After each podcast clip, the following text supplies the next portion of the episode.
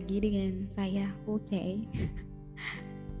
Dan ini adalah episode pertama dari Art Class Dari kelas seni. Dan untuk episode pertama ini kita bakal bahas uh, seniman Amerika yang namanya Roy uh, Lichtenstein. Jadi si Roy Lichtenstein ini uh, punya karya, banyak karya sebenarnya. Dan yang bakal kita fokus hari ini adalah karya yang judulnya Web jadi uh, karya dia yang berjudul WEM ini adalah satu karya yang dibuat tahun 1963 yang uh, sangat kontroversi juga. Dan karya ini sendiri uh, sekarang dipamerkan di Tate Modern London. Dan hmm, pertama-tama aku bakal bahas tentang deskripsi karyanya dulu. Jadi karya uh, buatan dari Roy Lichtenstein ini namanya WAM tulisannya tuh W H A A M tanda seru. Kalian bisa googling juga untuk mencari tahu bagaimana karyanya. Uh, maksudnya penampakan karyanya. Mediumnya sendiri uh, akrilik dan cat minyak pada kanvas.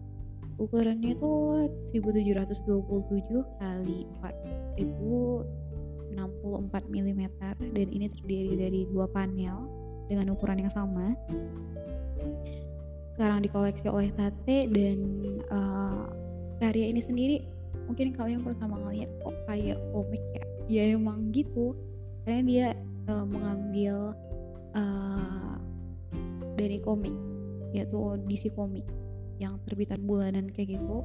Yang judul komiknya itu adalah All American Me All American Man of War karya Irv Novick. Dan ini edisi ke-89 dari DC Comics.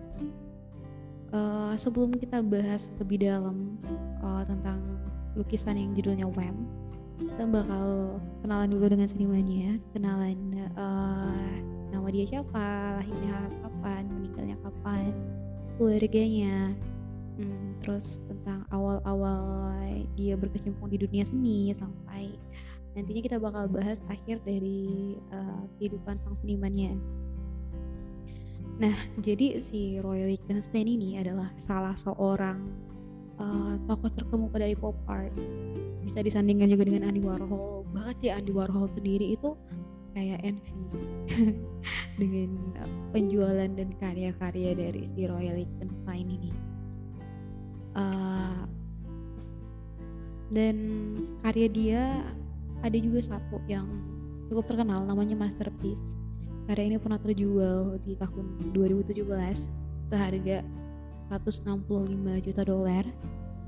Dan si Roy Lichtenstein ini sendiri sangat berprestasi dan dia pernah mendapatkan penghargaan namanya itu National Medal of Arts di tahun 1995 dan karya-karya dia itu yang sangat banyak itu dikoleksi oleh museum-museum terkenal. Contohnya kayak Institut Seni Chicago terus MoMA uh, di Galeri Nasional Washington DC terus Tate Modern London juga. Ya salah satunya karya dia yang bakal kita bahas hari ini.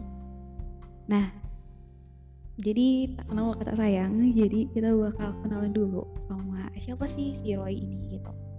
Nah jadi si Roy Lichtenstein Lichtenstein ini adalah seorang seniman Amerika. Dia lahir di New York City 27 Oktober 1923 dan dia meninggal juga di di kota yang sama di New York City 29 September 1997. Dia hidup selama 73 tahun. Dia masuk ke gerakan pop art dan dia ini lulusan magister dari Ohio State University dan gelarnya itu Magister of Fine Art. Dia salah satu seniman yang uh, menempuh pendidikan tinggi tidak seperti seniman-seniman lainnya. Ntar deh di episode-episode lainnya kalian pasti banyak mendengar bahwa seniman yang aku bahas itu adalah seniman yang sebenarnya tidak mengenyam pendidikan tinggi gitu. Dan mereka hanya sebatas uh, belajar dari lukis gitu. Kayak magang ya udah cuma gitu doang. Dan semuanya sukses. Jadi ya gitu deh aku bukan minta kalian untuk mencari amanah dari pernyataan aku itu. Bakal kita lanjut lagi. Jadi uh, si Roy Lichtenstein ini punya dua istri. Jadi istri pertamanya itu namanya Isabel Wilson. Dari Isabel Wilson ini dia mereka punya anak dua putra. Namanya itu David Lichtenstein dan juga Michelle Lichtenstein. Dan mereka bercerai lalu menikah kembali dengan istrinya yang bernama Dorothy Herska dan hmm, aku bakal membahas lebih dalam tentang kisah percintaan mereka. Kalau yang kisah-kisah yang sangat menarik itu ya namanya seperti Diego dan juga Frida Kahlo dan gitu. Tapi untuk saat ini kayaknya kita nggak bakal bahas tentang itu. Bakal bakal fokus ke hmm, berkaryanya seorang Roy. Gitu. Nah si Roy Lichtenstein ini sendiri bukan hanya berfokus pada melukis, dia juga pernah mendalami uh, patung, dia juga pernah membuat film. Dan ada quotes sendiri dari si Roy Lichtenstein. Dia pernah bilang kayak gini uh, pop art itu bukanlah karya Amerika tetapi hanyalah industri lukisan saja kayak gitu. Sebenarnya sih bukan merendahkan ya tapi aku juga setuju sih kalau pop art itu ya ibaratnya emang industri gitu. Karya-karya itu diciptakan banyak uh, dan disebarkan ke mana-mana kayak gitu.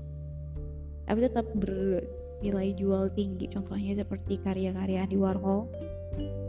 Karya-karya Andy Warhol itu kan uh, walaupun dicetak secara massal tapi ada yang versi ori uh, versi orinya sendiri dan versi orinya tuh punya uh, orang yang ahli gitu untuk mengecek originalisasinya gitu Nah, biar nggak berlama-lama, jadi kita bakal bahas dari kehidupan masa kecil sampai kematian dari Royal Liechtenstein, Liechtenstein ini. Nah, begini dia. jadi, si Roy Liechtenstein ini, atau kita sebut saja Roy, biar nggak ribet. Jadi, dia ini anak pertama dari seorang ayah. Dia ayahnya ini pengusaha real estate sukses. Dan mereka hidup di kelas menengah atas dari si Roy kecil. Dan ibunya hanyalah ibu rumah tangga biasa. Dan si Roy ini sudah menampakkan bakat seni dia sejak kecil. Dia menyukai seni sejak uh, di sekolah dan awalnya sih dia hanya mempelajari alat musik seperti piano, klarinet gitu. Dan dari kegemarannya pada musik itu dia juga mulai suka tuh sama musik-musik jazz gitu. Dan kecintaannya pada jazz itu terlihat dari uh, dia itu melukis potret dari musisi jazz. Lalu untuk fokus ke melukisnya si Roy ini memulainya di SMA dan dia itu dimentori oleh salah seorang seniman pelukis namanya Reginald Mars. Nah, setelah dari SMA, dia ini uh, lanjut ke pendidikan tinggi jadi dia S1 di Ohio State University itu di 1940 dan di sini itu dia udah sangat menggemari dan sangat mencintai sebuah karya dari Picasso yang namanya Guernica. Jadi sedikit mau bahas tentang Guernica. Jadi Guernica itu uh, karya Picasso yang sangat terkenal yang ada berhubungannya dengan perang yang ada di Spanyol. Mungkin kita bakal bahas di episode lainnya untuk lebih jelasnya dan itu adalah lukisan uh, anti perang dan diakui oleh PBB bahkan diakui oleh seluruh dunia dan lukisan ini sendiri uh, lukisan Guernica adalah lukisan yang tidak pernah ada di negaranya. Sampai negara Spanyol itu berubah menjadi republik. Begitu sih ceritanya. Sedikit spoiler.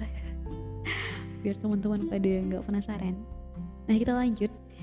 Uh, dia sangat memfavoritkan karya Guernica dari Pablo Picasso. Dan dia juga mendapat banyak pengaruh dari melihat-lihat karya mereka yaitu Picasso, Rembrandt gitu. Nah, kalau yang bertanya-tanya bagaimana dia bisa melihat karya-karya Picasso dan Rembrandt? Jadi ini ada hubungannya setelah dia masuk uh, militer jadi sebelum kuliah dia kelar uh, saat memanasnya perang dunia kedua Hiro itu memutuskan kuliahnya untuk sementara dan dia ikut militer di Angkatan Darat Amerika uh, kira-kira itu selama tiga tahun dan dia ditempatkan di Prancis.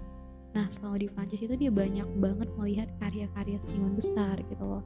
Dan um, setelah tiga tahun ikut militer, dia menjadi mahasiswa kembali di tahun 1946 dan hmm, dia juga sekalian setelah uh, kelar militer dia melanjutkan S1 setelah S1 dia melanjutkan S2-nya uh, di Ohio State itu di tahun 1949 sampai 1950 1950-an dia ngambil gelar magister dia. Jadi dia mendapatkan gelar Master of Fine Art gitu. Nah kita lanjut ke tahun selanjutnya yaitu uh, tepatnya di 1951 jadi si Roy ini uh, setelah lulus magister dia mulai fokus memamerkan karya-karya yang telah dia buat. Jadi dia pameran uh, pameran pertama itu di tahun 51 dan karya-karya dia yang dipamerkan itu banyak yang berhubungan dengan mitologi, sejarah dan juga cerita rakyat cerita rakyat Amerika gitu. Dan dia mau karya karyanya di Cleveland kayak gitu. Dan hmm, dia juga sempat berganti-ganti aliran gitu. Dia sempat mencoba kubisme dia juga sempat mencoba ekspresionisme. Dan di tahun 1957 bahkan dia mencoba uh, karya-karya yang aliran abstrak ekspresionisme gitu. Nah dia kan udah lulus S2 nih. Gak mungkin kan cuma jadi seniman doang. Nah selain menjadi pelukis si Roy ini mengajar di Rutgers University pada 1960 dan di tahun 1961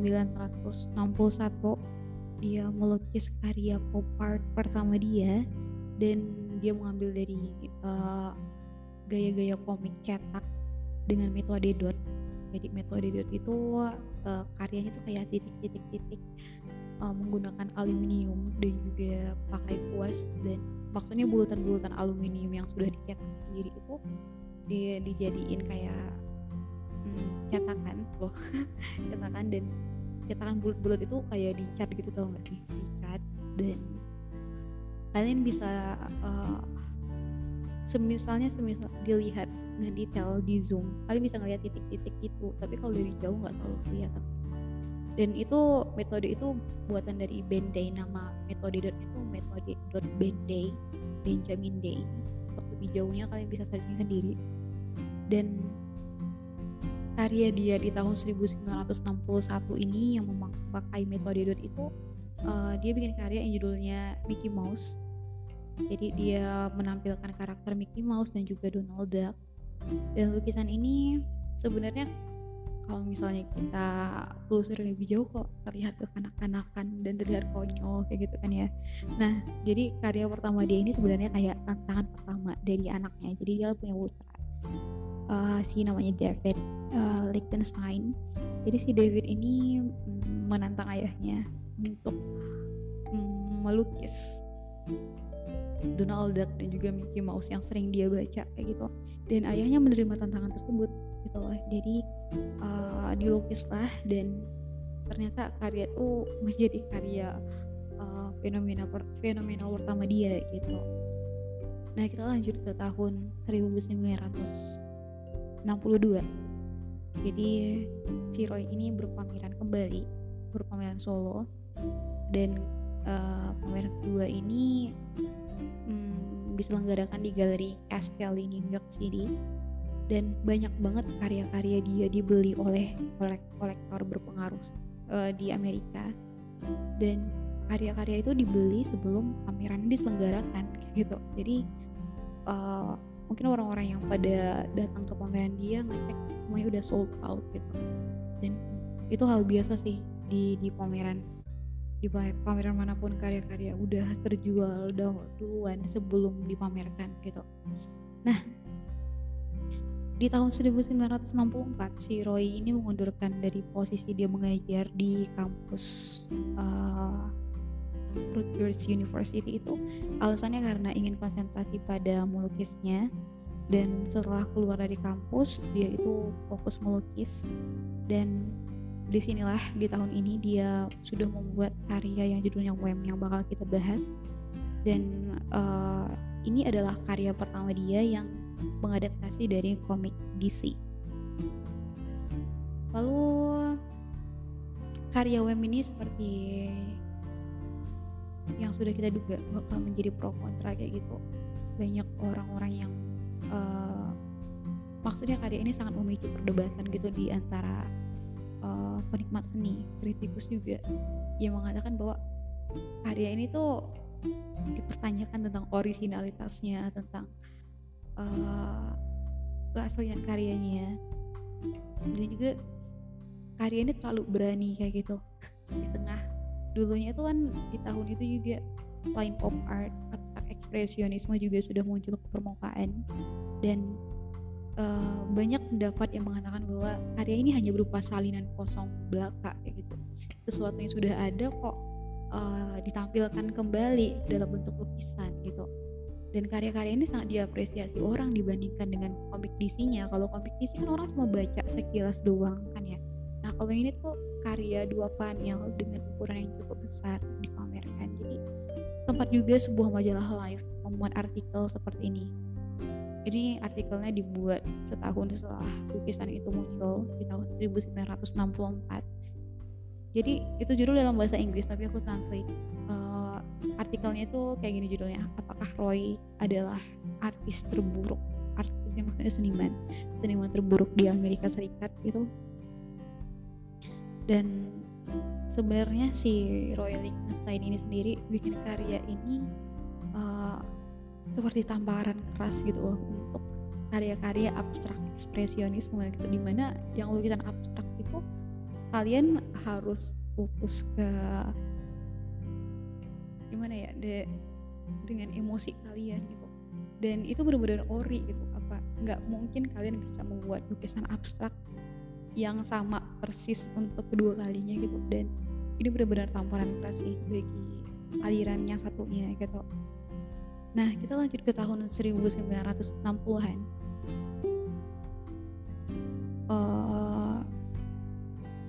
maksudnya 1965 tadi kita udah bahas tentang 1964 jadi uh, si Roy ini berhenti um, menggunakan buku komik sebagai sumber utamanya dan uh, alasan kenapa dia berhenti. Jadi ada desas-desus yang mengatakan bahwa si Roy Lichtenstein ini sama sekali tidak membayarkan royaltinya kepada artis yang menciptakan gambarnya asli yaitu si Irv Novik sendiri gitu. Dan mungkin dia juga males uh, selalu hmm, kambing hitamkan terus menjadi topik pembahasan topik perdebatan kayak gitu. Ya udah akhirnya dia bikin karya sendiri. Hmm, dan karya itu sendiri tetap masih ada ciri khas dari uh, pop artnya sendiri gitu. Nah ini udah di tahun 1970-an kita melompat cukup jauh. Dan di tahun ini Roy itu membeli rumah terus bikin studio sendiri. Tepatnya tuh di Long Island New York. Dan selama tahun ini itu setelah keluar dari uh, melukis kartun dia banyak melukis eh, hal-hal uh, seperti still life terus membuat batu terus membuat gambar kayak drawing kayak gitu. Dan hmm, di akhir-akhir uh, kehidupannya si Roy ini mendapatkan hmm, pekerjaan. Maksudnya kayak menerima komisi untuk bikin mural di New York tepatnya tuh di Times Square New York dan juga di Bandara Internasional Port Columbus. Uh, dan mural ini ukurannya cukup luas sekitar 26 kaki. Ada yang 53 kaki gitu. Dan uh, karya yang paling terakhir dari Roy Lichtenstein sebelum sakit itu adalah uh, kalau kalian tahu perusahaan DreamWorks yang bikin banyak uh, film dan juga kayaknya DreamWorks itu studio rekaman juga. Jadi logo dari DreamWorks itu buatan dari si Roy Lichtenstein sendiri. Dan tepat pada uh, 29 September 1997 si Roy ini meninggal karena pneumonia. Kalau nggak salah ini paru-paru ya dan itu juga penyakitnya emang udah lama dideritanya sebelum meninggal dia juga udah sakit berminggu-minggu kayak gitu. Dan seperti aku bilang di awal sebelum meninggalnya uh, dua tahun sebelumnya dia tuh mendapatkan penghargaan dari uh, maksudnya mendapatkan penghargaan nama penghargaannya itu National Medals of Art kayak gitu. Jadi begitulah akhir kehidupan dari seniman plus seorang dosen. Kisah hidupnya ini sebenarnya nggak terlalu complicated seperti seniman-seniman lain. Tapi uh, dari kehidupan masa lalu dia itu ntar kita bisa hubungkan sama kenapa sih dia bikin karya yang web kayak gitu. Ada apa sih dengan karya web yang kalau kalian cek sendiri karya web itu hmm, uh, objek-objeknya. Terdiri dari kayak pesawat ada dua pesawat. Satu pesawat yang uh, hancur terbakar meledak. Yang satunya pesawat yang uh, berhasil meledakkan gitu jadi uh, terutama dengan yang paling ciri khasnya itu adalah tulisan web. Dan juga tekniknya dengan menggunakan metode dot nah jadi sekarang kita bakal bahas tentang lukisan web itu ada apa sih dengan lukisan web. Jadi hmm, web ini uh, karya yang sumber awalnya itu dari sebuah komik namanya itu All American Man of War. Dan karya ini sendiri sebenarnya kayak hmm, disengaja oleh senimannya. Maksudnya disengaja ini kalian lihat kan karya ini sendiri kayak hmm, kesannya tuh kayak dramatis emosional kayak gitu. Tapi dalam bentuk kartun gitu. Jadi subjek dan tekniknya tuh berlawanan dan itu emang disengaja oleh senimannya. Kalau gaya-gaya kartun itu kan warnanya gampang banget kita cerna dan kesannya itu emang anak-anakan konyol gitu. Tapi uh, dengan cara begitu orang-orang bisa hmm, tertarik gitu. Dan nggak sedramatis dari semisalnya karya ini dibuat uh, versi dari romantisisme aliran romantisisme pasti banyak orang-orang yang auto menangis gitu melihat kejadian ini. Nah, jadi karya ini sendiri terdiri dari dua panel. Panel pertama dan panel kedua itu sebenarnya bisa dipisah, bisa enggak juga. Dan uh, karya ini bisa dipisah. Panel pertama itu menampakkan uh, pesawat pertama yaitu yang uh, pesawat tempur American Jet dan pesawat yang satu lagi itu adalah uh, target dari pesawat itu pesawat meledak gitu. Jadi misalnya dipisah bisa banget. Dan sebenarnya banyak hal yang sangat berubah dari komik aslinya. Seperti warna terus tulisan web uh, lalu pesawatnya juga. Banyak hal yang berubah dari um, karya aslinya. Dan seperti yang aku bilang di awal karya ini menggunakan titik-titik atau dot dari Bandai uh, dibuatnya pakai aluminium. Jadi aluminium ini buatan sendiri dari Liechtenstein lalu dicat di lubang-lubang aluminium tersebut dan uh, bagaimana caranya ya menggunakan sikat gigi ataupun kuas gitu. Tergantung warna yang ingin dia pakai apa dan si Roy di sini sangat menjelaskan bahwa pentingnya subjek yang berhubungan.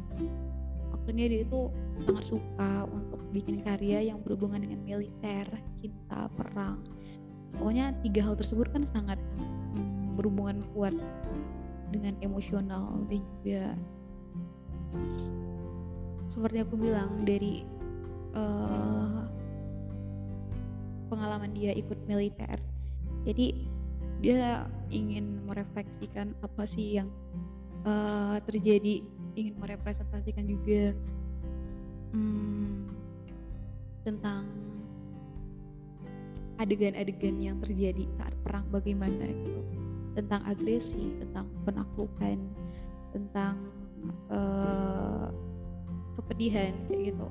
Dan juga selain tentang perang-perangan hancur-hancuran pesawat tentang ledakan-ledakan si Liechtenstein ini juga kan beberapa juga bikin karya.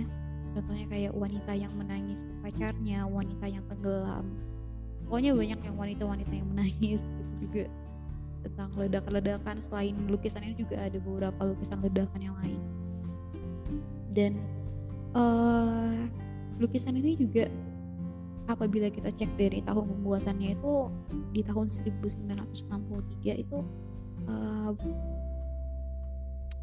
kita bisa hubungkan dengan perang Vietnam juga. Jadi kalau kalian baca sejarah tentang perang Vietnam yang antar Vietnam Selatan gitu uh, didukung oleh Amerika dan sebagainya dan uh, perang Vietnam sendiri kan terjadi di tahun 1955 sampai 1975 dan uh, di tahun 1963 perang itu sangat memanas dan uh, apalagi si Roy juga pernah berpengalaman masuk ke militer. Jadi karya ini benar-benar kayak merepresentasikan apa yang terjadi seperti itu.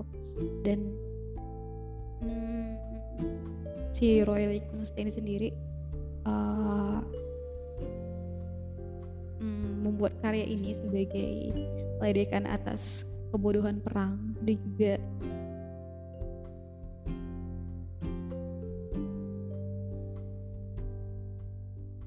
hmm, bisa dibilang seperti dualitas kontradiktif yang tidak pernah terselesaikan. Kalau dilihat dari isi terus dasar konseptual dan juga produksi yang uh, sebenarnya lagi-lagi memicu perdebatan. Sebenarnya karya si Liechtenstein ini seni lukis atau sesuatu yang berhubungan dengan hiburan gitu. Nah gitu sih kalau all about uh, lukisan Wem jadi lukisan ini ada hubungannya dengan pengalaman dia ikut militer dan melihat semua kejadian-kejadian adegan-adegan yang terjadi saat perang. Dan uh, beberapa kritikus juga menghubungkannya dengan perang Vietnam saat itu. Uh, lalu karya ini jadinya bukan hanya uh, berupa kartun semata tapi emang benar-benar relate dengan kejadian saat itu gitu kejadian di tahun pembuatannya. Dan ya begitu deh tergantung kalian menanggapinya gimana. Apakah ini sebuah karya yang orisinal dari senimannya atau apakah kalian setuju dengan uh, perdebatan yang mengatakan bahwa karya si Liechtenstein ini hanyalah uh, salinan kosong dari sesuatu yang sudah ada gitu? Salinan dari karya seniman lain seniman komik gitu yang namanya Irv Novick jadi itu tergantung uh, kita masing-masing sih menanggapinya gimana.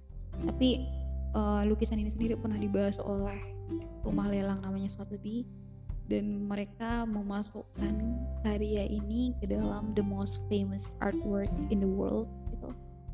Dan ada juga beberapa tayangan mereka bagaimana cara hmm, membersihkan dan juga memperbaiki karya ini karena cukup sulit gitu. Apalagi metode dot dot itu nggak semua orang bisa gunakan gitu jadi ada sih beberapa video tentang restorasi lukisan ini. Kalian bisa cek di YouTube.